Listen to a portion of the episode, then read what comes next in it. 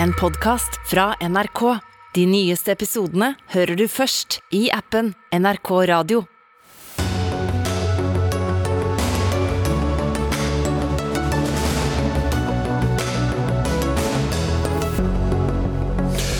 Russiske soldater på vei til å innta Ukrainas hovedstad. Innbyggerne der har fått beskjed om å lage bensinbomber for å forsvare seg. EU fryser de private midlene til Russlands president og andre fremtredende russere. Men lojaliteten til Putin er langt viktigere enn økonomiske tap, sier Russlands forsker, som mener straffereaksjonene vil ha liten effekt. Det er et skrekkscenario og svært lite sannsynlig, men Russland har verdens største arsenal av atomvåpen. Flere mener landets president har truet med dem. Og den samme Vladimir Putin skal etterforskes for krigsforbrytelser etter invasjonen av Ukraina. Kan i teorien få samme dom som nazistene etter andre verdenskrig. Men hva er egentlig sjansen for at Putin havner bak lås og slå? Ja, dette er eh, Dagsnytt 18 denne fredagen. Jeg heter eh, Espen Aas. I løpet av sendingen skal etter planen både Natos generalsekretær Jens Stoltenberg og vår egen statsminister Jonas Gahr Støre komme med hver sine orienteringer. Vi kommer til dem så fort så måtte skje. Hele sendingen handler utelukkende om det som skjer i eh, Ukraina, landet som en gang var en av 15 sovjetiske republikker, og som nå ser ut til å få et brutalt møte med Russlands militærmakt. Og nettopp det. For russiske bakkestyrker eh, har ifølge rapportene rykket nærmere mot Ukrainas hovedstad Kyiv og landets nest største by, Kharkiv. Det ukrainske forsvarsdepartementet har sågar oppfordret innbyggerne om selv å ta opp kampen med russerne. Bilder fra gatene i Kyiv viser soldater som ligger klare for angrep fra russiske styrker. Andre viser at våpen blir delt ut til de som kan kjempe. Gro Holm, utenriksreporter med oss fra utkanten av Kyiv. I hvor stor grad eh, preges byen av eh, at russerne rykker nærmere? Ja, Det er jo veldig stille inne i bysentrum nå. Det er veldig lite trafikk der, få biler å se. Eh, det er soldater i gatene. Mange butikker og kafeer er stengt. Eh, det går rykter om at russiske spesialsoldater allerede er på plass. De er ikke fullt så synlige, de går ikke akkurat med flagg i gatene. Eh, og selv her, litt i utkanten vest for byen, så merkes det veldig godt at det er krig. Det startet i dag tidlig med kraftige drønn fra et sted som ikke hørtes ut som var så veldig langt langt herfra. Vi vet at det pågikk kamper rundt 20 km unna. Der var også en, eh, en, en kolonne, en konvoi med russiske eh, soldater og stridsvogner. Sikkert også eh, ledsaget av rakettbatterier på vei, på vei inn i byen, altså østover. Så var det kamper på denne flyplassen, den militære flyplassen, hvor det var kamper også i går. Russerne hevder at nå har de tatt den tilbake etter at ukrainske styrker tok den tilbake fra russerne russerne igjen i går kveld. Eh, det er kamper mange steder i landet. Og jeg, akkurat rundt her vi bor, så er det som jeg nevnte, det er stengte butikker. Folk står i kø for å handle mat. Folk står i kø for å handle bensin. Eh, de som syns de kan dra, har gjort det, men veldig mange blir jo tross alt igjen i Ukraina. Ifølge nyhetsmeldinger i ettermiddag, eh, Gro Holm, skal ukrainske myndigheter være villige til å snakke med Russland, men ikke kapitulere. Hva slags eh, samtaler kan det i så fall være snakk om? Ja, eh, Zelensky, President Zelenskyj har sagt i en tale i dag at han er villig til å ta, snakke med Putin. La oss sette oss ned og snakke sammen. Og så har russerne grepet den ballen eh, og sagt at ja, vi er villige til å snakke, og ukrainerne vil snakke med oss om nøytralitet. Det har jo ikke Zelenskyj sagt. Eh, men nå er vi midt inne i, eh, propagandakrigen, og, og, ifølge det russiske UDs talsmann Dmitrij Piskov, så, så, har de foreslått at de skal møtes i Hviterussland, mens, mens da ukrainske regjeringen har foreslått Warszawa. Og så sier de Men vi har ikke hørt noe, sier russerne da. Vi har ikke hørt noe. Og til og med, sier de, nå driver ukrainerne og plasserer ut våpen i sivile områder, i boligområder rundt Kiev. Og Det er farlig når de sier sånt, for vi vet at det er en type utsagn, dette med våpen i boligområder, som veldig godt kan brukes som et påskudd til å angripe nettopp sivile områder, eh, eller unnskylde seg for at man har gjort det. Men altså dette med forhandlinger, veldig uklart hva det egentlig skal snakkes om. Eh, jeg tviler veldig sterkt på at ukrainerne er villige til å snakke om nøytralitet mens våpnene henger over nakken på dem, bokstavelig talt. Mm. Jan Espen Kruse, Russland-korrespondent, du er med oss fra Rostov. Russlands president har i dag eh, ifølge meldinger oppfordret ukrainske soldater Eh, til å slutte seg til den russiske hæren, altså å gjøre eh, opprør mot sin egen regjering. Har Putin eh, særlig stor støtte blant ukrainerne? Nei, det tror jeg ikke det er riktig å si. og Dette er vel også en del av den propagandakrigen som pågår jeg tror ikke engang i, i øst, uh, hvor uh, Russland uh, tradisjonelt har hatt en betydelig støtte, så, så vil man være særlig begeistra for dette forslaget. Og President Putin han kom jo i dag, det var et møte i det russiske sikkerhetsrådet. I forbindelse med det så sa han at at den nåværende ledelsen i eh, Ukraina består av narkomane eh, nynazister. Eh, og det er jo et helt hårreisende, naturligvis, utsagn. Men det sier litt om hvor, hvor voldsom motsetningene er, og hvilke ord som tas i bruk. Sånn at at, eh, at, eh, Putin etter dette, etter disse utsagnene skulle ha noen støtte, det tror jeg er ganske usannsynlig. Nå kommer det meldinger mens vi snakker Jan Espen, om at Nato-lederne nå er enige om å sende betydelig flere styrker da, til medlemslandene i, i Øst-Europa, landene som da deler grense med, med Ukraina. Hva kan uh, russisk uh, svar på dette bli? Det kan jo bli det de har kalt militærtekniske tiltak. Altså at man setter ut flere raketter, russiske raketter, f.eks. Eh, ved Østersjøen, i Kaliningrad, langs grensa eh, Russland eh, har mot andre vestlige land, eller østeuropeiske land. sånn at det kommer temmelig sikkert svar på det, men eh, det er jo det som blir følgen av eh, dette angrepet, av, av denne krigen som Putin har satt i gang. At eh, det kommer til å bli veldig mye mer militære i, i de østeuropeiske Nato-landene. Både amerikanske og andre lands militære styrker. Og ikke minst nye våpen kommer dit. Sånn at resultatet av denne konflikten blir jo stikk motsatt av det Eh, Putin ønsker seg, nemlig at eh, det blir mye mye mer Nato-aktivitet og nærvær av Nato tett inntil Russlands grenser. Takk skal du ha, Jan Espen Kruse, vår Russland-korrespondent med oss fra Rostov. Geir Hågen Karlsen, oberstløytnant ved Forsvarets høgskole. Du har uh, fulgt uh, det som har skjedd gjennom dagen. Uh, vi har jo sett russiske styrker komme inn via fra Hviterussland, fra Russland, fra Krim. Her er det angrep fra mange kanter. Hvordan har det gått for seg? Jeg tror det aller viktigste er, og mest interessante er angrepet mot Kiev. Der eh, angriper de på begge sidene av den store elven Dnipro, som går gjennom eh, hovedstaden. Eh, I går så prøvde de å ta en flyplass like utenfor Kiev med luftlandestyrker. De fløy inn med helikopter, men de ble skutt ned og slått tilbake. Så det, det mislykkes. Det var nok et forsøk på å kuppe og komme inn til sentrum og kanskje ta ledelsen og regjeringen veldig tidlig. Der de har hatt størst fremgang er i eh, Sør-Ukraina, i området nord for eh, Krym, det okkuperte området hvor de flyttet styrker nordover og nordvestover, og rykket ganske langt fram til, eh, til Dnipro, sørenden av Dnipro og byen Kherson. Eh, og De har også rykket nå både østfra og, og vestover eh, langs eh, kysten av Azovhavet. Mm. Denne Dnipro er jo en, en veldig da, sentral elv, Europas fjerde største elv. Redden jo fra uh, Russland, gjennom uh, Hviterussland og da inn i, i Ukraina og, og, helt sør da, til hovedstaden og, og videre. Ja, og Den deler jo landet fullstendig. og Så er det kamper en lang rekke steder.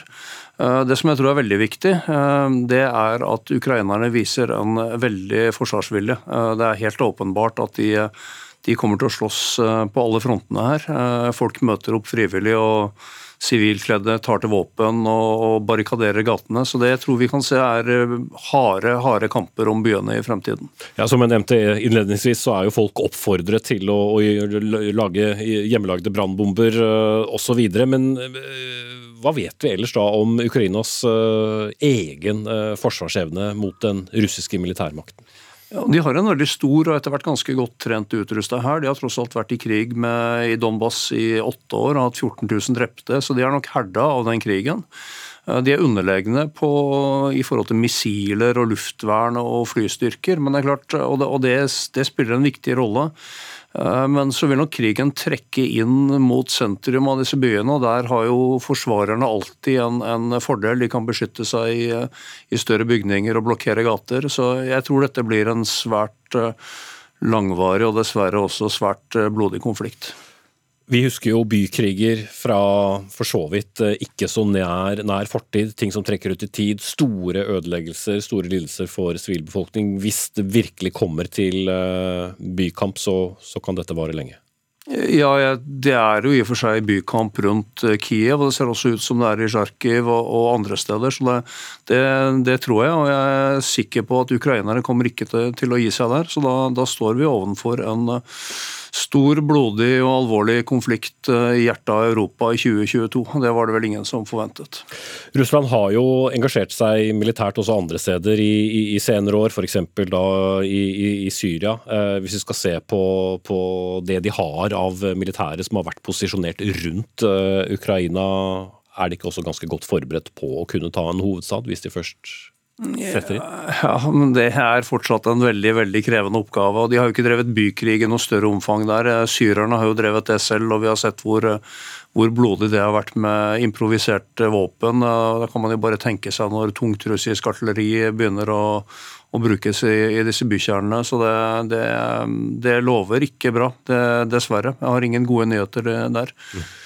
Eh, og, og, så har vi jo allerede sett tidlige cyberangrep. Det vil jo bli ytterligere angrep på infrastruktur, flyplasser. Vi hører også ukrainerne som eh, tar broer for å, å forsinke russerne enorme uh, materielle tap. Ja da, og disse missilangrepene har jo vært uh, i to døgn nå. De kommer helt sikkert til å fortsette for å ta ut det som du påpeker, viktig infrastruktur og kommunikasjon osv. Så det, og flyplassene og luftvernet som måtte være igjen. Så det, det kommer nok til å fortsette noen netter til.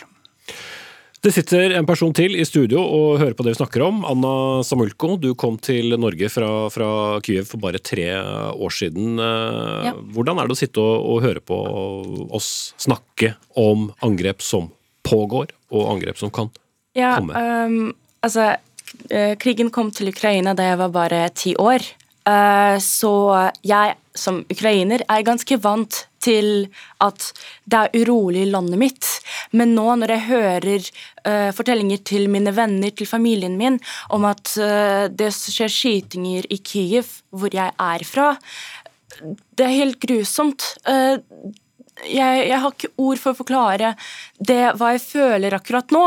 Fordi at jeg jeg husker at jeg var i Ukraina for ikke så lenge siden. Jeg var i Ukraina i desember. Og jeg husker uh, at vi snakka med venninnene mine om uh, det kan hende det blir krig, men alle var sånn Nei, nei, det går vi, vi, får, vi, hører det hele tiden. Det kommer ingenting. Men akkurat nå hører jeg fra de samme venninner at uh, de sier farvel til meg. De sier bare ha det, fordi de er ikke sikre at de skal overleve, rett og slett. Mm. I den grad du har hatt uh, kontakt med, med, kjente nå i, mm. i løpet av, av, det siste døgnet, hva er det de forteller om, uh, om, om situasjonen? Vi hørte jo Gro Holm også rapportere nå fra Kyiv. Uh, det jeg kan si er um F.eks. bestevennen til lillebroren min, han og moren hans, måtte sove i T-bane eller på T-banestopp, uh, fordi det var uh, den derre flysirenene mm. som Og, og, og T-banestasjonen ja, brukes da som, som tilfluktsrom? Som bomberom, ja.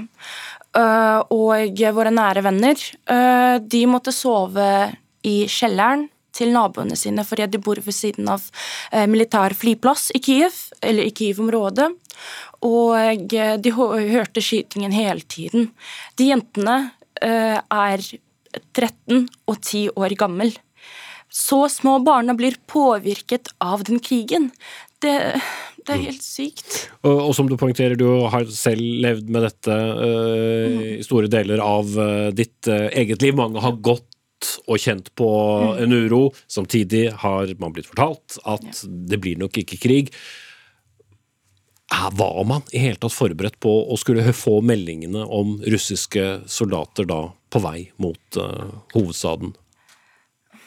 Jeg, altså, jeg vet ikke. for å være Du har jo deltatt på en demonstrasjon i dag utenfor den russiske ambassaden. Du bruker da tid på å delta på flere demonstrasjoner. Hva er det du og dine ønsker å, å oppnå med, med, disse demonstrasjonene? Ja. Så vi, Ukrainsk forening i Norge, Eh, prøver å få oppmerksomhet til den saken. Fordi at krigen i Ukraina ble ignorert av hele verden og i åtte år. Og nå det har utviklet seg til det punktet hvor Russland bare angripet hele landet. Mange folk dør, mange barn dør, rett og slett. Og eh, det vi prøver å eh, på en måte Målet vårt da, er å få norsk Eh, stat til å eh, gi oss, oss eh, støtte. Både militær støtte og humanitær. Altså, ja. Og det er veldig viktig for oss at vi vet at ifølge loven så er det ikke mulig å gi våpen til land som er i krig. Men vi lever ikke i 1952. Akkurat nå Situasjonen er sånn at vi trenger det for å beskytte ikke bare oss, men hele verden. Fordi at Putin er en terrorist med masse makt. Han kommer ikke til å stoppe på Ukraina, han kommer til å gå videre. Vi skal uh, snakke mer om det senere i sendingen. Takk skal du ha, Anna Samulko, og takk også til Geir Hågen Karlsen, oberstløytnant ved Forsvarets høgskole.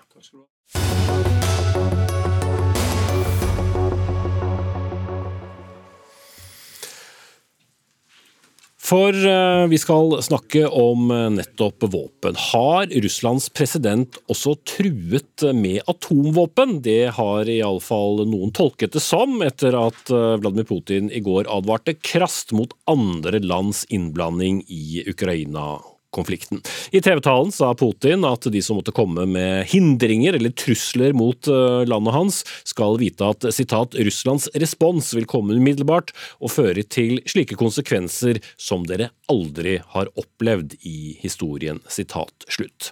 Organisasjoner som eh, Norsk Folkehjelp og Norske leger mot atomvåpen er blant dem som har reagert på denne mulige trusselen eh, gjennom Nettavisen i dag. Og det skal jo sies, Russland har Eh, verdens største arsenal av atomvåpen. Kristin Ven Brusgaard, du er postdoktor ved Universitetet i eh, Oslo, hvor du bl.a. forsker på russisk kjernevåpenstrategi. Tolket du det dit hen at dette er en, eh, en trussel om bruk av atomvåpen? Ja, de fleste tolker dette som en uh, implisitt trussel om uh, bruk av, eller i hvert fall fare for, uh, eskalering til bruk av kjernevåpen dersom vestlige land blander seg inn militært i Ukraina. Eh, jeg tror nok eh, Putin og hans krets har vært relativt sikre på at Vesten ikke kommer til, kommer til, å blande seg inn i Ukraina, og det ser man jo av denne invasjonens omfang. Men det er tydelig at Putin allikevel nå ser det hensiktsmessig å minne om det massive og hypermoderne russiske atomvåpenarsenalet nå som vestlige land diskuterer hvordan de skal møte denne russiske aggresjonen. Men, men dette sies da uh, primært for å, for å, avskrekke? Ja, det er uh, hovedhensikten med denne uttalelsen. Å minne vestlige ledere om at uh, dersom de skulle finne det for godt å blande seg inn militært i denne konflikten, så står man altså overfor et veldig farlig scenario der man kan risikere en krig med bruk av kjernevåpen. Men hvor reelt er det at Russland ville, ta i bruk, ville tatt i bruk atomvåpen? Nei, Det er vanskelig å si, men eh, de fleste anser jo for det første det ikke som sannsynlig at russerne vil benytte atomvåpen i krigen i Ukraina. Eh, og det er heller ikke så veldig sannsynlig at dersom vestlige land hadde foretatt seg noe militært, at den, russiske, den første russiske reaksjonen ville vært eh, en som innebar bruk av eh, atomvåpen. Altså en krig med atomvåpen vil jo være en ekstremt farlig situasjon også for russerne. Så i, i, første omgang så er dette en uttalelse som er myntet på vestlige ledere, og minne dem på at dette, hvis de ikke gjør det russerne ønsker i dette tilfellet, dvs. Si holder seg unna militært, så vil det innebære en signifikant fare for dem. Mm. Tidligere forsvarssjef eh, Sverre Disen, du er med meg her eh, i studio. Hvordan eh, skal i så fall vestlige ledere reagere på, på, på denne skremselen om, om atomarsenalet?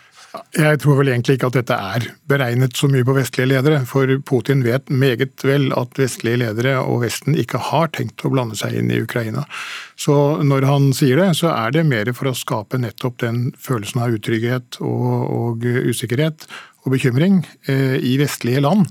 Eh, som han jo da langt på vei eh, greier, og som er en av årsakene til at vi nå sitter her og diskuterer det han har sagt. For altså et, en bruk av atomvåpen selv, som Brusgaard sier, selv hvis det skulle komme altså til en, en vestlig skal vi si, intervensjon i en eller annen form, så ville jo ikke bruk av atomvåpen Eh, være rasjonelt i det hele tatt fra russisk side, og slett ikke som noen umiddelbar reaksjon. Og hvis vi tenker på eh, krigen i Ukraina, så eh, ja, det er selvfølgelig mulig at russerne kunne ødelegge sitt omdømme og sin legitimitet mer enn de allerede har gjort. Men hvis det finnes en måte å gjøre det på, så måtte jo det være å bruke atomvåpen mot en ikke-atommakt i en krig som de er fullstendig i stand til å vinne konvensjonelt. Men eh, alle som er eh, hva skal vi si, 40 år eller mer, eh, husker den kalde krigen og, og atomtrusselen. Det å minne om at man har et stort arsenal av atomvåpen, er, er likevel viktig?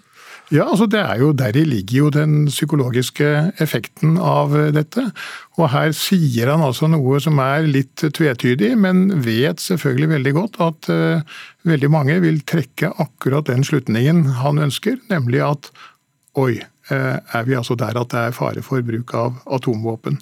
Og den uh, er jo først og fremst ment å skulle skape så mye, skal vi si, splid og engstelse og eh, bekymring i særlig Europa at eh, en mer samlet holdning, som er helt nødvendig hvis disse sanksjonene skal f.eks. ha noen mulighet for å virke, den eh, blir ødelagt. Det er i hvert fall det Putin ønsker, vil jeg tro. I forrige uke hadde Russland en atomøvelse i Barentshavet, som jo er i hvert fall relativt tett, tett på Norge, hvor de avfyrte og testet da kryssermissiler og bæreraketter. Er det også for å minne omverdenen på hva de har, eller bør vi reelt sett være bekymret? Eh, ja, Dette er jo en øvelse som, eh, som russerne gjennomfører faktisk eh, hvert år. De har riktignok flyttet litt på den sånn tidsmessig. Det er sikkert ikke tilfeldig. For alt er kan du si, bidrag til den samme psykologiske effekten. Men, men selve øvelsen er nokså rutinemessig. Og hvis hvis en atommakt først har eh, den type våpen, så syns jo jeg i og for seg at det er betryggende at de også har øvelser som innebærer at de prøver rutinene som er knyttet til den mulige bruken av dem. Det er faktisk større grunn til å være bekymret hvis de ikke gjør det. Mm. Brusgaard, eh, hva vet vi om atomvåpnene som russerne er i, i besittelse av? Ja, Vi vet jo en hel, en hel, del. Vi vet jo at russerne har det de fleste anser for å være verdens største arsenal eh, av atomvåpen, med over 4000 eh, langtrekkende våpen og våpen med kortere eh, rekkevidde. Det som er påfallende med det russiske arsenalet, er jo nettopp det at de også har et stort antall missiler med kortere og mellomlang rekkevidde, som kan benyttes f.eks.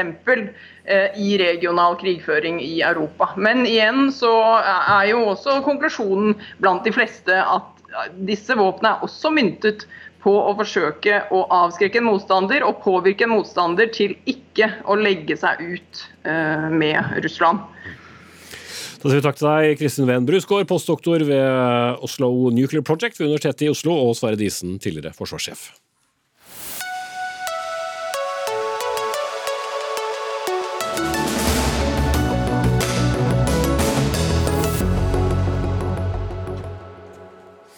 Nå i ettermiddag kunngjorde EU at de fryser de private midlene til Russlands president Vladimir Putin, hans utenriksminister Sergej Lavrov og andre sentrale personer. Det kom etter at USA, Storbritannia og EU i går, som vi vet, annonserte kraftige sanksjoner mot Russland.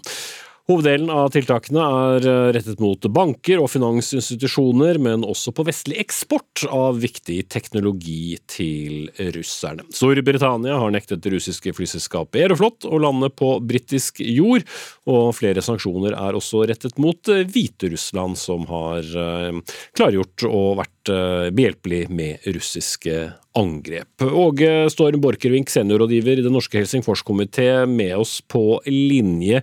Hvor stor betydning får eh, disse sanksjonene, tror du? Jeg tror det kan få ganske stor betydning. Ehm, det vil jo ta tid før dette helt eh, setter seg, men ehm, jeg tror jo ærlig talt Putin har tatt eh, munnen litt for full med hele denne operasjonen. Og eh, hvis eh, det kommer press, økonomisk press mot eh, de rike vennene hans, og det i tillegg ikke går så raskt med krigen som han ønsker, så, så vil han være i en, i en, veldig vanskelig situasjon. Så jeg tror disse sanksjonene er veldig viktige. Samtidig så er det store, enorme pengesummer som er da flyttet ut eh, av, Russland, og som er uh, plassert og investert eh, i, Vesten, i, både eiendom, rikdom og, mye annet. Vet vi egentlig hvor de er å finne, slik at sanksjonene kan være målrettede? Nei, vi, vi, vi, gjør jo ikke det, og, og det er et veldig viktig poeng egentlig du, du kommer med der. Eh, det er jo ført enorme eh, eh, rikdommer ut av, ut av, Russland. Altså, I Putins stat så kontrolleres de store pengesummene og pengestrømmene av en liten elite. 100 dollar-milliardærer, kanskje 100 000 dollar-millionærer, eller minigarker, for å kalle det det. Um, og um, disse er, er, kjørt gjennom uh, forskjellige offshoreselskaper og gjerne investert i, i, um, i, i, vestlige land. Slik at hvis uh, uh, f.eks. Storbritannia, som nok har endestasjon for mye av disse pengene, kommer uh, med et, et, et, virkelig register på hvem som er de reelle eierne av en masse eiendom f.eks. i London, så vil vi vite mye mer om hvordan eh, eh, pengene, eh, hvor pengene befinner seg, og, hvordan man kan virkelig straffe disse ja, skurkene og tyvene, som Aleksej Navalnyj kaller det. Ja, Vi snakker mye om, da, om oligarker, altså maktpersoner som, som da nettopp skaffet seg enorm rikdom da landet ble privatisert på, på 90-tallet. Jakub Godzimirski, forsker ved NUPI, hvem er disse russiske enkeltindividene som eh, man nå går etter? Eh, det er flere grupper blant dem. Det er noen som man kan kalle gamle oligarker fra Jeltsin-æra, og så er det noen andre som uh, beriket seg under Putin. De omtales gjerne som Putins venner, eller man bruker også et begrep som heter statoligarker, fordi det er folk som har beriket seg ved å få kontrakter fra den russiske staten, og den russiske staten styres av Vladimir Putin og hans nærmeste krets. ikke sant? Så det å tilhøre denne kretsen har også en del positive økonomiske konsekvenser. Og vi har sett at da disse sanksjonslistene ble laget i USA, Storbritannia Europa, så har man kikket litt eh, eh, bedre på disse lister over de rikeste russere, og så plukket man ut en del folk som man prøver å straffe. og Hovedgrunnen til å straffe dem er at man tror at de vil på et tidspunkt enten påvirke Putin til å gjøre noe annet enn det han har gjort, eller rett og slett fjerne ham fra makten. Det, men, men er det, er det, er det, hvor, hvor reelt er dette? Mange av disse er jo da eh, plassert eh, rundt omkring i Europa, som vi har eh, vært innom. Forvalter enorme pengesummer. Men vil de gå imot Putin? Alle husker Mikhail Khodorkovskij og hvordan hans skjebne var. Han tilhørte jo det første du nevnte, da, fra Jeltsin-æraen, og som så berikket seg tidligere, men han kom på kant med Putin, og det fikk han straff for? Jeg tror vi må se på to uh, ting her. Disse som uh, tilhører Putins nærmeste krets, som uh, beriket seg pga. dette nære forholdet til Putin, der er faren eller håpet for at de skal gjøre noe mot Putin veldig lite, fordi det er mye lojalitet mellom dem. Det er folk som Putin har kjent helt fra sin barndom og ungdom. ikke sant? Så det, denne gruppen er ikke de aktuelle kandidatene for å fjerne Putin, mens disse store gutta som eh, ble rike under Jeltsin, eh, de ble rett og slett skremt vekk fra politikken da der Khodorkovskij, som var på det tidspunktet den sterkeste og mektigste av dem, ble tatt, rett og slett. ikke sant? Så de har sine økonomiske interesser. De inngikk en slags fredsavtale med Putin. De skal drive med økonomi eller med sine businesser uten å blande seg altfor mye direkte inn i politikken. Det som er også interessant, er at vi snakker gjerne om gamle oligarker og disse som uh, sitter i Putins krets. Det er også slik at noen av disse navn som kom på disse listene, er barn faktisk til både gamle oligarker og barn til disse som har et godt forhold til Putin. Så, vi ser at det bygges en del oligarkiske generasjoner. Mm. Borchgrevink i Helsingforskomiteen, du har også tatt til orde for at Norge bør ta en mer aktiv eh, rolle når det gjelder eh, reaksjoner, bl.a. på å få oljefondet til å, å, selge seg ut av sin russiske portefølje, og Equinor til å avrunde sitt eh, samarbeid med den russiske oljegiganten Rosneft. Men vil norske reaksjoner ha så mye å si i den store sammenhengen? Jeg tror faktisk det vil ha litt å si. Altså, dette her er også en, eh, en, situasjon som er helt ekstraordinær, eh, og virkelig eh, krever at man, at man, gjør reelle tiltak. Og Det handler også om hva man signaliserer både til Russland og til Ukraina.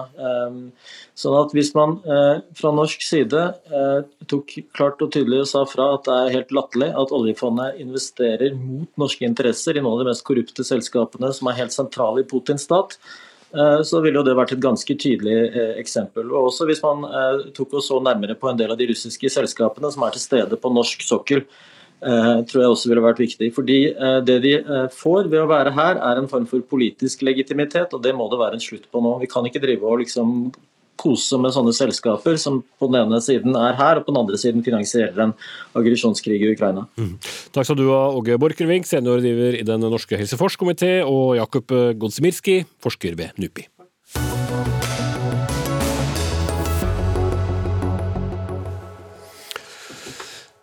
I dag sa den internasjonale straffedomstolen, ICC, at de vil etterforske president Vladimir Putin for mistanke om menneskerettighetsbrudd og krigsforbrytelser i Ukraina. Og skulle han dømmes, ja, så kan han få samme dom som nazistene fikk etter andre verdenskrig, påpeker du, Sofie Høgestøl, førsteamanuensis i rettsvitenskap ved Universitetet i Oslo.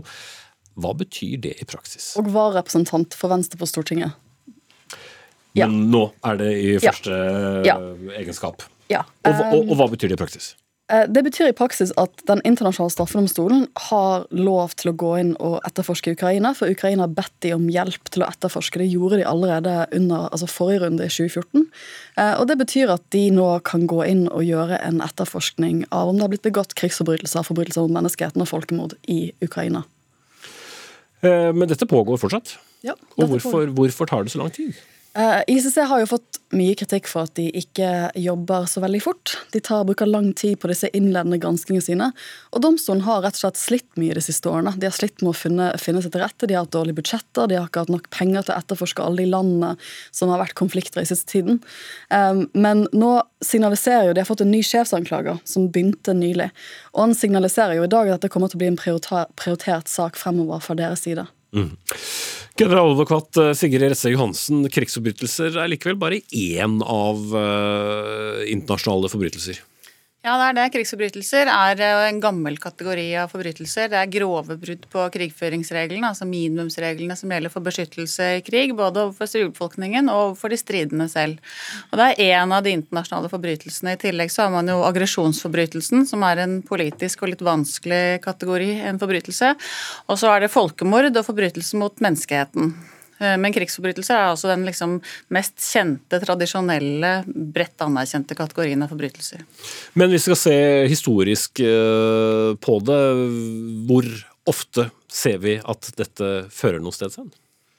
Historisk ikke så veldig ofte. Mer de siste 20-30 årene, men historisk så er det ikke så veldig gode statistikker. Når det er sagt, hvis vi ser på det fra et europeisk perspektiv, så var det jo allerede i 1917 uh, arbeid for å få stilt keiser Wilhelmen, som da var ansvarlig for angrepskrig på det tidspunktet for første verdenskrig, til ansvar. Det skrev man inn i Versailles-traktatet på det tidspunktet. Uh, og etter andre verdenskrig så fikk man jo til en sånn type rettsprosess mot nazistene. De ble jo dømt for bl.a. aggresjonsforbrytelsen som Sigrid var inne på. Uh, så dette har vi jo en, viss tradisjon for i Europa. Også etter Jugoslavia-krigen så fikk man jo gjenoppliven dette arven etter Nuremberg og straffefulgte de aktørene som var involvert der. Eh, så for at, kanskje fra et europeisk perspektiv så har det vært litt mer straffeforfølging. Når det er sagt, så er det jo klart at det er en lang vei å gå før Putin eventuelt skulle bli straffeforfulgt for det som skjer i Ukraina nå. For det er jo ikke akkurat sånn at man bare kan gå og hente ham? Uh, nei, er, vi har ikke et verdenspoliti. Altså, vi har ganske mye folkerett, men det er ingen som uh, håndhever folkeretten med tvang i vår, verdenssystemet vårt i dag. Ikke, hvis, hvis, jeg bryter nasjonal rett, så vet jeg jo at det kommer til å bli tatt tak i på et eller annet tidspunkt. Sånn funker det ikke med folkeretten. Uh, og det betyr at selv om man har regler for dette, så må noen håndheve de, og ICC har ikke, eller denne internasjonale straffedomstolen de har ikke et eget politi. De er avhengig av at andre land gjør det. Og når det kommer til stormakter, så er de veldig avhengige av Sikkerhetsrådet, og der sitter jo Russland selv og kan uh, gjøre sitt med, nettopp det. Sigrid Retse Johansen som generaladvokat, uh, man kan jo få inntrykk av at uh, Putin nærmest kan gjøre som han vil når det gjelder Ukraina. Bare gå inn. Hva slags internasjonale regler gjelder egentlig? Det er mange internasjonale regler som gjelder, men det er også vanskelig. for det er klart at En del av disse internasjonale reglene så er det veldig vanskelig å skille mellom hva som er politikk, eller forholdet mellom makt og rett, da, rett og slett, er vanskelig. Eh, fordi reglene på den internasjonale arena krever jo veldig langt på at staten må være enig i dem. Staten må på en måte slutte seg til disse reglene. Og hvis eh, statene Ofte så vil de da ikke slutte seg til de reglene som kanskje kan angå dem selv aller mest. Eh, så, så sånn er det nå en gang. De er på en måte politiske produkter. Men det er jo et maktforbud som er veldig veldig bredt, eh, og det er brutt. Eh, og det er i tillegg eh, da adgang til å forsvare seg selv når reglene for bruk av makt er brutt. Det hører liksom til den sfæren som gjelder før krig. Og så er det jo masse regler, og de er også gamle og bredt anerkjent som Russland er part i, eh, som gjelder krigføringen. Og Noen av de er jo veldig fundamentale, f.eks. ikke lov til å rette angrep eh, mot eh, sivile. Det er forbud mot vilkårlig angrep, og selvfølgelig mot tortur og umenneskelig behandling, og mot visse typer av våpen. Så, og disse selve krigføringsreglene, de, de er på en måte ikke så vanskelige som selve det å starte krigen. Det er liksom to forskjellige størrelser som man har forholdt seg til. Da.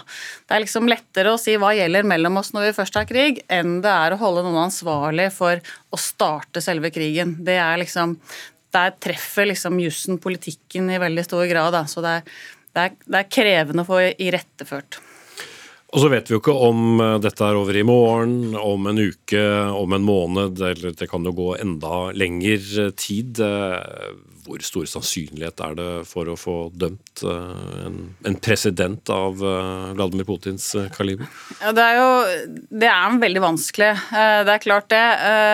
Han er jo, nå er han jo en sittende president. det er klart at For de aller mest alvorlige forbrytelsene, så, så det at man er i offisiell kapasitet, som det heter, det betyr på en måte ikke noe man er allikevel strafferettslig ansvarlig. Men, men, men, det er vanskelig, for som Sofie sier, så sitter Russland selv i Sikkerhetsrådet. ikke sant? Og og Hovedregelen i, på den internasjonale arena det er jo at statene selv irettefører brudd.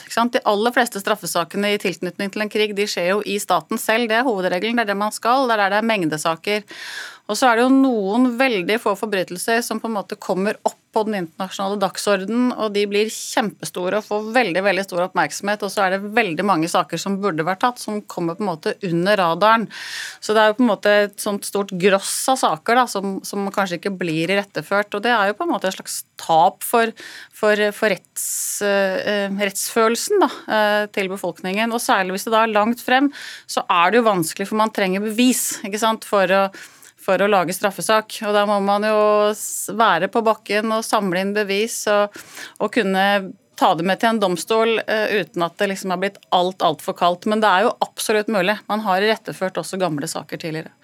Ok, Kardinaladvokat uh, Sigrid Retzøy Johansen og Sofie Høgstøl, førsteamanuensis rettsvitenskap ved Universitetet i Oslo. Takk skal dere ha for den innføringen.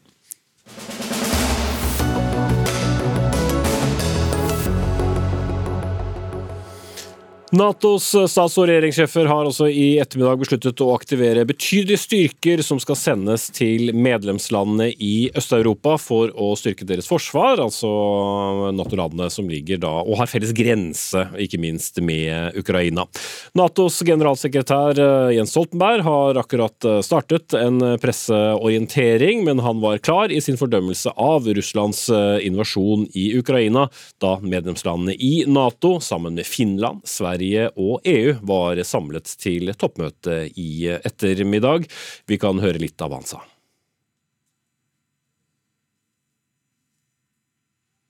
Det var i hvert fall planen. Hva om jeg heller ber min eh, utmerkede kollega Peter Svaar, journalist her i NRK, som har fulgt eh, dette møtet, hva betyr det nå at Nato de vil sende enda flere styrker østover?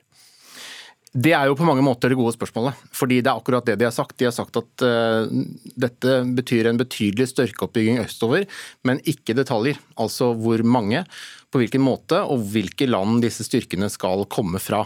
Eh, det Stoltenberg sier nå nettopp, er altså at vi er i en ny normal i Europa, der Russland åpent utfordrer den europeiske sikkerhetsordenen, og at Russlands ambisjoner ikke stopper i Ukraina. Mm. Jeg skal bare bryte deg kort, Bedesår, for statsminister eh, Jonas Gahr Støre har startet sin presseorientering nå i halen av det Natos generalsekretær eh, har sagt, så vi kan høre litt på hva han sier. Norge er ikke eh, det primære målet for denne virkemiddelbruken, men vi er også utsatt og sårbare for sammensatte trusler eh, i bredt. Om det gjelder fra cyber eller på annen måte, som den åpne rapportene fra både PC og Etterretningstjenesten har vist. Ekstra grunn til å være årvåkne og følge med på det, både for myndighetene og for eh, nordmenn i sin alminnelighet. Så da gir jeg ordet til utenriksministeren. Og så til forsvarsministeren. Ja, Det er en, eh, en, orientering som kommer til å pågå der eh, en stund. Dersom du er nysgjerrig på den, så kan du eh, switche over på NRK2, eller så kan du følge oss videre her på, på NRK1 og på P2. Men mange vil jo da være spent på hvordan russerne vil svare på en ytterligere styrkeoppbygging da nær Ukraina, og Russland ikke minst. Ja, og der må vi jo se detaljene. Altså, vi må jo se hva, hva de legger i dette, og hvor, uh, hvor, mange styrker, på hvilken måte. Dette er jo snakk om da, å styrke Natos østflanke, så det er jo de uh, østlige medlemslandene. Uh, det er jo kjent at Norge skal sende en liten kontingent til Baltikum nå i, i helgen. Eh, spørsmålet er blir det flere, hvor mange eh, flere, og hvor mange vil komme fra andre, andre, land. og Hvordan skal man på en måte rigge dette? Det den, Nato har jo også en, en responsstyrke, den er vel nå ledet av Frankrike. Eh, hvordan blir det, og hvor, det, måte, hvor skal soldatene komme fra? Mm. Forsvarssjef Erik Kristoffersen, du er jo da den øverste faglige sjefen i, i, Forsvaret, og har jo da jevnlige møter med både Nato og EUs militærkomiteer. Norge skal altså sende 44 soldater nå, nå, på søndag. Samtidig sa forsvarsminister Odd Roger Enoksen at det vil være sannsynlig da med flere norske ressurser. Hva slags bidrag snakker vi om? Det, det, Norge bidrar med allerede, er jo for det første den eh, reaksjonsstyrke, eh, eller de flyene vi har på beredskap i, på Evenes i nord, som er en, eh, en hurtig reaksjonsstyrke for å, for å, identifisere og avskjære russiske fly. Og så har vi et bidrag i Litauen som vi har hatt ganske lenge, som nå blir forsterka ytterligere. Og så har vi en fregatt i Middelhavet. Og så gjenstår det å se, da. For det Nato gjør nå, er jo å, å, å styrke sitt forsvar i øst. Og Norge er en del av de planene. Eh, så det vi bidrar med, først og fremst med, det er jo, det er overvåkning og, og tilstedeværelse i nord. Mm. Ukraina, som ikke er et Nato-land, grenser jo da mot fire Nato-land. Romania, Polen, eh, Slovakia og Ungarn. Men hvor lite, eller eventuelt hvor mye skal til før et av disse landene opplever å bli dratt inn i det som skjer på andre siden av grensen? Ja, Det er jo en, en, en kamphandling mellom russiske styrker eller hviterussiske styrker og Nato-styrker. og Derfor har det vært så viktig for Nato å og eh, egentlig hele Vesten, og, være tydelig på at diplomati var det vi prøvde primært på for å, for å stoppe den russiske aggresjonen mot Ukraina. Det lyktes ikke. Det andre poenget har vært å holde Nato og Vesten samla. Og det tredje er å for enhver pris hindre en krig med Russland, sånn at Ukraina ikke utarter til det som da vil bli en regional og egentlig da en verdenskrig. Så, så Nato er en forsvarsallianse som kommer til å styrke sitt forsvar. og jeg er nok overbevist om at også president Putin, i hvor villfaren han måtte være, forstår det. At, at der går det grenser når du angriper et Nato-land. Men hvordan vurderer du situasjonen slik den er nå? Altså Det kommer jo styrker via Hviterussland, de kommer fra Krimhalvøya, de kommer fra, fra, Russland, både fra nord og, og, fra øst? Ja, Russland har jo i praksis så godt som omringa Ukraina. De angriper jo fra nord, vest, nord, øst og sør. Jeg tror de har undervurdert forsvarsviljen og motstandskrafta i det ukrainske forsvaret og i det ukrainske folket. Så så akkurat nå ser det ut som eh, de russiske styrkene kan oppleve det som alle militære invasjonsstyrker frykter, det er at eh, det stopper opp fordi motstand blir så mye kraftigere. Eh, og man begynner å ta tap, og så møter du et, et folk som har så sterk forsvarsvilje at, at det blir veldig vanskelig. Så Innledningsvis så, så, tenkte jeg at Russland kom til, til, å, hvis de gikk til invasjon, å begrense seg til Donbass. Og på en måte få kontroll over de de eh, republikkene som, eh, som, Putin eh, anerkjente, men at de skulle gå så langt som til, til Kiev og involvere seg i de kampene som er nå, med lange forsyningslinjer. Det kommer til å bli veldig tøft for, for Russland. Mm. Men de har valgt å, å, gå så langt inn og, og gå mot uh, hovedstaden. og Det betyr vel også at det er, er gjort vurderinger på at dette er, er, riktig å gjøre? Ja, Putin har jo garantert gjort noen vurderinger. Eh, og Så gjenstår det å se hva sluttilstanden blir. Eh, og Det er litt vanskelig å se. Han ønsker jo opplagt å erstatte eh, regimet i, eh, altså sette inn sitt eget regime i Ukraina. Erstatte presidenten og de folkevalgte med, med sin marionettregjering. Men med den motstanden som han møter nå, så, så, blir det vanskelig. Og I tillegg så, så, virker det litt sånn som at han tror at det at presidenten i Ukraina skal bli tatt eller, eller falle, Eh, skal liksom avgjøre. Og Det viser jo også en president som tror mer på personlig makt enn på institusjoner og, eh, og kan du si folkevilje. og Det er der jeg tror det blir det store eh, overraskelsen for president Putin i Ukraina. De ønsker ikke tilbake igjen til, til sovjettida. Du som kjenner Nato bedre, det kommer jo stadig uh, hastemeldinger her. Og, og, og Jens Stoltenberg, som, som, fortsatt holder sin orientering, sier at Nato utplasserer da deler av reaksjonsstyrken NRF. Hva slags styrke er dette? Ja, NRF er jo en Nato Response Force. Det består av eh, en hurtigreaksjonsstyrke, som eh, ble kommentert i stad. Den, den var jo planlagt inn til Norge som en del av Cold Response, så får vi se hvordan, hvordan det går. Det er, jo, det er jo en viktig øvelse også for Nato eh, i nord. Og så er det jo oppfølgingsstyrker, der også Norge har bidrag. I, i den hurtigreaksjonsstyrken har vi veldig lite bidrag i år. I oppfølgingsstyrkene har vi bidrag både fra Luftforsvaret og Sjøforsvaret. Hvor eksponerte blir norske soldater? Det gjenstår jo selvfølgelig Det er, mye ubesvart her, men eh, de rykker jo i hvert fall eh, nærmere. Ja, de, de, er jo der for å forsvare alliansen, så de rykker jo frem til, til østgrensen på alliansen, som vi har gjort i Litauen lenge, og som vi også gjør i nord. Altså, vi har jo norske vernepliktige som, som passer på grensa vår mot, mot Russland eh, helt lengst i nord. Så det vil jo være en del av, av Nato sitt eh, førstelinjeforsvar for å si det sånn, i, i, øst. Og De styrkene kommer til å komme fra hele Nato. og Det gjøres gjennom en styrkegeneringskonferanse der, der selvfølgelig også USA og, og Canada bidrar tungt. Eh, så det er hele Nato samla som bidrar til de styrkene. Mm. Petter Svaar, du sitter fortsatt og, og, følger det som kommer eh, av nyheter, bl.a. fra møtet som har vært da mellom Nato, EU, Sverige og Finland. Hva, hva ellers er det Stoltenberg sier?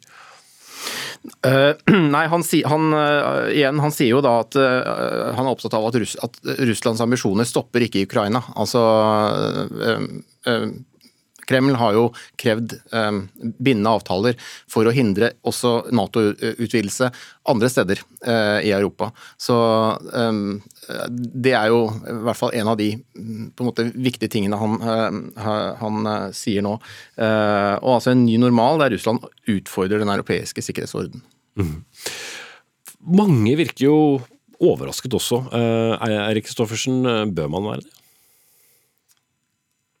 Ja, Det er jo et eh, godt spørsmål. Bør man være overraska? Det er jo overraskende at eh, Russland bruker så mye militærmakt etter at det har vært så mange diplomatiske forsøk på å få det her løst på et mer fornuftig vis.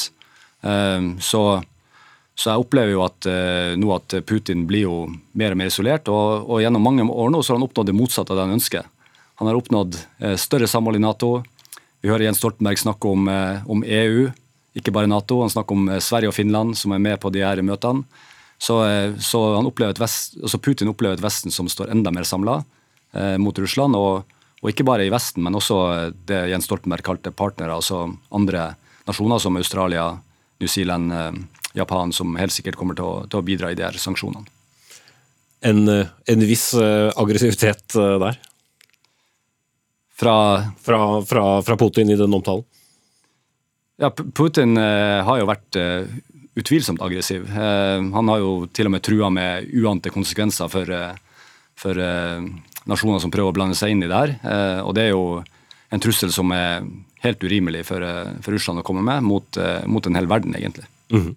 Men så er det jo hvordan man skal da møte det, og det er jo noe av det Jens Stoltenberg eh, nå sier, som eh, vi hørte Joe Biden eh, kommentere i går, og hvor andre vestlige ledere også kommenterer fortløpende. Vi har disse straffereaksjonene som går mot enkeltpersoner og, ledelsen i, Russland selv. Men hvis vi skal se for oss et, et scenario hvor ting roer seg mer ned? Når kan det komme? Er det først når man har eh, inntatt uh, hovedstaden, som åpenbart er det store målet i første omgang? Ja, Det gjenstår jo å se. Nå bør det mest spå om fremtida, og det er ikke så lett. Men, uh, men det, det, som jeg tenker var det initielle, opplagte målet for Russland, var jo, var jo å holde Donbass. Og så erklære at Luhensk og Donetsk er, er, selvstendige republikker, og så på en måte nøye seg med det. det betyr også en utvidelse av av det russisk støtta opprørskontrollerte området med, med kan du si, to tredjedeler mer. Eh, men, eh, men at, at, man skal klare å ta hele Ukraina, det, det har jeg ikke noe tro på nå. Når vi ser den motstanden og den forsvarsviljen som, som ukrainske styrker setter opp nå. Mm. Så kan du selvfølgelig ikke gå på innsiden av eh, den russiske presidentens uh, hode, men det er klart at de følger jo også med på alle signaler som nå både kommer fra, uh, fra Nato og EU og, og, andre, og noterer seg den troppeforflytningen som kommer. Vil du strategisk sett tro at konsentrasjonen fortsetter å være rundt kamphandlingene i, i Ukraina og rundt Kiev, eller vil det være også en mulighet for ham til å, til å poengtere at uh, de jo vil komme med, med svar. Hvis de opp, opp, oppfatter at Nato blir for aggressiv. Nato vil jo ikke være aggressiv. Nato vil jo ha en, en Nei, Vi vet jo hva Nato vil, men spørsmålet er jo hvordan Russland oppfatter det. Nei, Russland vil jo bruke den vanlige ordlyden. Det kommer de til å gjøre mot vår øvelse Cold Response, selv om det har vært planlagt i mange år og er varsla i god tid. Og, og, til og med har vi Eh, invitert russiske observatører dit. Eh, så de vil bruke kraftig ordbruk. Men eh, samtidig så er det opplagt i president Putin og Russlands interesse å, å, isolere konflikten til Ukraina. Hvis, den, hvis, den på en måte skulle spre seg over større områder, så, så er ikke Russland De har ikke ubegrensa med styrker og logistikk heller, og de har flytta veldig mye styrker inn til Ukraina fra andre det vi kaller militærdistrikt fra hele landet, for å delta i offensiven i Ukraina. Så så de har noen begrensninger. så Derfor er det nok i Putins interesse å holde det mest mulig isolert til Ukraina. Så det, Hvordan han kommer til å balansere det, det, det, får, det vet bare han, egentlig.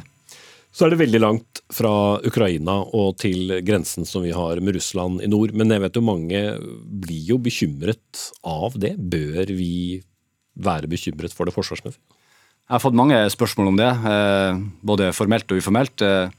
Jeg vil si at her i Norge så skal vi beholde roen, og vi skal fortsette som før. Vi har et, eh, et, eh, en god kontakt, nødvendig kontakt med, med russiske både søk og redning og grensekontroll i, i, nord. Og det er vi også avhengig av i forhold til å samarbeide rundt, eh, rundt f.eks. redningsaksjoner til sjøs. Så den kontakten skal vi holde. Og så blir det jo en annen situasjon i verden etter det her.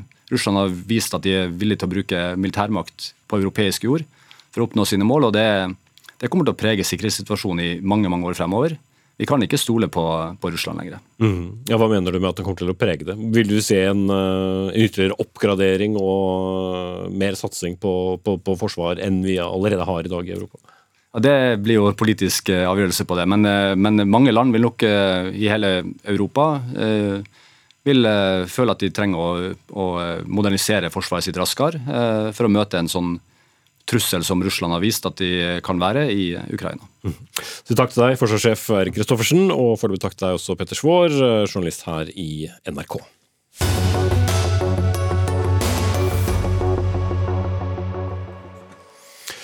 Og som eh, jeg var innom tidlig i sendingen, mens det russiske militæret altså sirkler seg stadig nærmere på den ukrainske hovedstaden Kyiv, så får altså sivilbefolkningen beskjed både om å søke dekning, gå ned i, T-banestasjoner og andre former for tilfluktsrom, men også være forberedt på å eh, forsvare seg selv.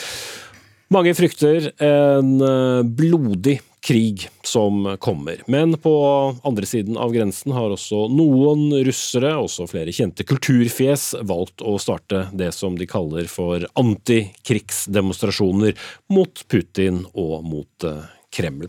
Og Evgenia Koroltseva, du er prosjektleder i Menneskerettighetsakademiet og styremedlem i organisasjonen eh, Smorodina for eh, demokrati i, i, Russland. Du har jo bodd her da i over 20 år, men eh, kommer fra, fra sør i, i Russland. Mm. Vi har sett i dag at over 1800 personer er pågrepet fordi de er en del av fredsdemonstrasjoner. Eh, hvor Det er noe, det er, ja, hei, det er ikke noe organisert fredsdemonstrasjoner sånn sett. Det, det er spontan reaksjon, tror jeg, som vi så i går. Ja, det er mange mennesker. Flere tusen som gikk ut på gatene uh, i går i protest. Uh, både i Moskva og i St. Petersburg, men også andre byer som er mindre.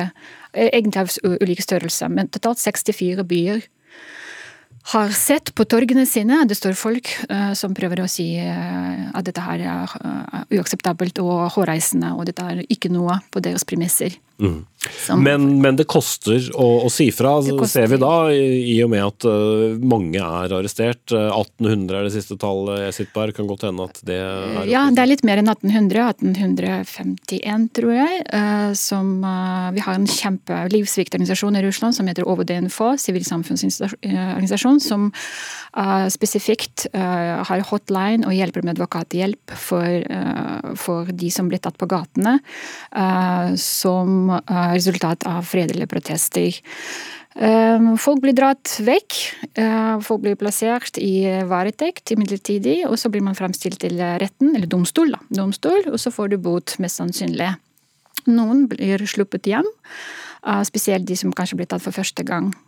Men det å gå etter en strukturprotest betyr ikke at man kan bli banka på døra litt seinere til, fordi da kan politi, spesielt i Moskva, hvor vi har overvåkningskameraer på T-banestasjoner med ansiktsgjenkjenning og alt det der, så kan faktisk politiet komme på døra og um, ta deg tilbake. Mm. Det er jo over 30 år siden eh, som Ukraina fikk sin selvstendighet da etter å ha vært en, eh, en sovjetrepublikk. Hvorfor synes mange russere det er eh, så viktig å vise den solidariteten med, med ukrainerne? Jeg kan tenke meg, De synes det er viktig, fordi det kom som et sjokk på, de, på veldig mange i Russland. Ja, meningene kan være delt. Ja, man er utsatt til ulik informasjonsflytt. Ja, man henter informasjon fra ulike kilder. Den første dagen dagen var kanskje mest uh, liksom følelsesmessig sjokkerende. Fordi jeg kan tenke meg det er mange som ikke har forventa at uh, at det blir krig, rett og slett. At man mener noe med det. At man går til verks uh, på denne barbariske måten. I dag begynner uh, følelsene å legge seg litt. Det begynner å synke litt. Og skam kommer kanskje mer på overflaten til hver enkelt, og så tenker man dette her, eh, det er ikke på mine premisser, jeg har ikke tillatelse til dette. Jeg står for fred, jeg, jeg, jeg, vil, jeg, vil, ha helt vanlig, normalt liv, jeg vil at barna mine skal vokse opp i et samfunn, gå i barnehage osv. Og, så videre, og, så og da jeg, ser eh, i hvert fall på sosiale medier at uh, det er mange som skriver jeg kan, ikke, jeg kan ikke sitte hjemme, jeg finner ikke ro, jeg kan ikke tie, jeg må, der må man ut. Når man, når man først går ut faktisk på gate, uh, det å stå sammen, skulder ved skulder, det er på en måte én ting, det er for så vidt det går. Men med en gang du holder en plakat med noe budskap, så blir man tauet ganske raskt av politi vekk. Takk skal du ha for dette innblikket, Evgenia Korolseva. Vår Dagsnytt 18-sending den går ubønnhørlig mot uh, slutten. den. Ansvarlig for den var Gro Arneberg. Helge Svensson hadde det tekniske ansvaret. Jeg heter Espen Aas. Følg NRKs uh, sendinger både kveld og gjennom helgen for de siste oppdateringene om det som skjer i Ukraina. Vi sier takk for oss.